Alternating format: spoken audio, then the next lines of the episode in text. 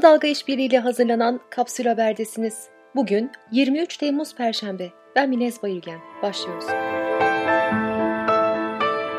Denizcilere yeni bir duyuru Navtex yayınlayan Türkiye, Yunanistan'ın Meis adasının güney ve doğusunda sismik araştırma yapacağını bildirdi.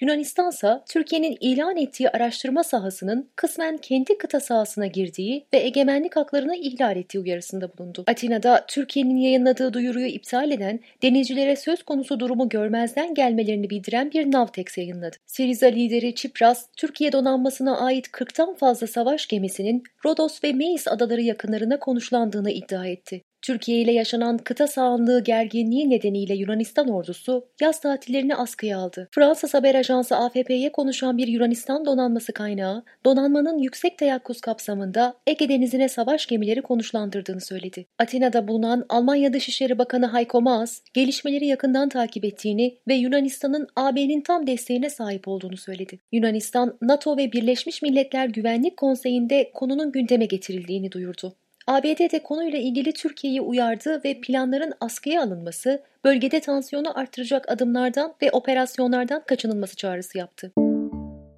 Bir buçuk yıldır Muğla'da yaşayan 21 yaşındaki Tuğçe Ç'yi sosyal medyadan taciz ettiği iddia edilen 46 yaşındaki Neşe tutuklandı.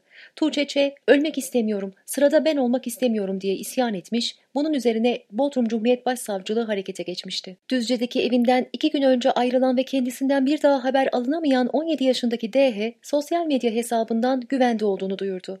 Ailece şiddet gördüğünü yazan DH, biraz kafamı toparlayıp polise gideceğim dedi. Paylaşımından kısa bir süre sonra Bursa'da bulunan DH emniyet müdürlüğüne götürüldü. Diyarbakır'da 34 yaşındaki MD adlı kadın evinde silahla vurulmuş yaralı halde bulundu. 200 gün önce Tunceli'de kaybolan Gülistan Doku'nun arama çalışmaları kapsamında Uzunçayır Baraj Gölü boşaltılmaya başladı.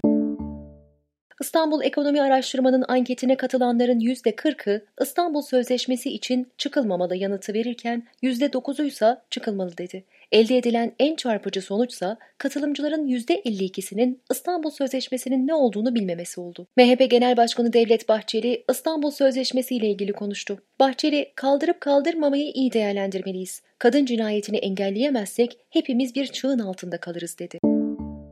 Türk Tarih Kurumu Başkanı Profesör Doktor Ahmet Yaramış görevinden istifa etti. Yaramış kısa bir süre önce 15 Temmuz darbe girişimine katılanların kazanılması gerektiğini söylemişti.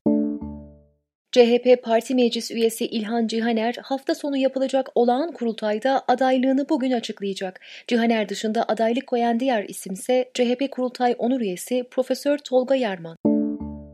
Sözcü yazarı Saygı Öztürk, Koca Sinan Belediyesi ile Milli Emlak Müdürlüğü arasında pazarlık olduğunu yazdı. Öztürk, mülkiyeti belediyeye ait 5 caminin tapusuna karşılık Yamula Barajı'na nazır 100 bin metrekarelik 4 arsa verileceğini iddia etti. Türkiye Sağlık Enstitüleri Başkanlığı Başkanı Profesör Doktor Adil Mardinoğlu ve Genel Sekreter Profesör Doktor Hasan Türkes istifa etti. Türkiye'de yerli kit olarak tanıtılan ve her yerde kullanılan koronavirüs testinin doğruluğunun %40 olduğu iddiasının ardından testi onaylayan daire başkanı Selçuk Kılıç dün görevden alınmıştı. İtalya'da yapılan bir araştırma, genom yapısı incelenen yeni tip koronavirüsün Avrupa'da ilk olarak Almanya'da görüldüğünü ortaya koydu. Araştırma Alman doktorların tezini de doğruluyor. Buna göre Almanya'da yaşayan 33 yaşındaki bir adam 20-21 Ocak tarihlerinde Şangay'dan gelen çalışma arkadaşının da olduğu bir toplantıda enfekte oldu. Şangay'dan gelen ve semptom göstermeyen kişi Çin'e dönüşü sırasında fenalaştı ve COVID-19 teşhisi kondu. Rusya ve Türkiye Libya konusunda dört madde üzerinde mutabakat sağladı. Açıklamaya göre iki ülke Libya krizinin askeri çözümü olmadığını ve çözümün sadece BM'nin desteğiyle bizzat Libyalı taraflarca yürütülen siyasi süreç yoluyla sağlanabileceğini kesin dille ifade etti.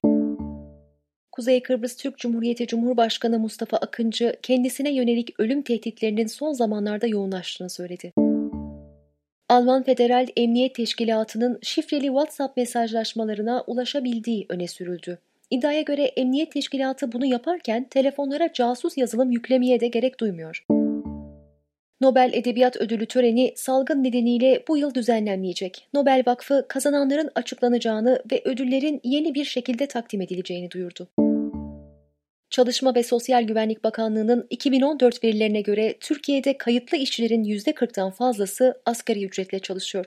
2010 yılı verilerine göre ise Avrupa'da asgari ücretle çalışan işçi oranının en yüksek olduğu ülke açık ara Türkiye. Gazeteci İskender Bayhan, AKP'nin meclise getirdiği mini istihdam paketini değerlendirdi. Paket için işçiye açlık, patrona kıyak yorumu yapan Bayhan, 2021'e kadar kesin olan bir şey var ki milyonlarca kişi ayda 1168 TL ile yaşamak zorunda kalacak dedi. CHP'li Faik Öztrak son bir yılda 2 milyon 585 bin kişinin işini kaybettiğini açıkladı. Öztrak, işsizlik sigortası verilerine göre 1,7 milyon işçi işbaşı yapmadığı halde bu dönemde çalışıyor sayılmış dedi.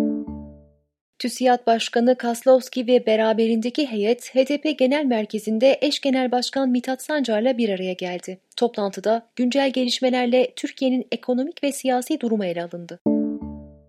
İstanbul'da konut satışlarında rekor kırıldı. Haziran ayında bir önceki yılın aynı ayına göre satışlar %186 arttı. Esenyurt 3130 konutla en fazla satışın yapıldığı ilçe oldu.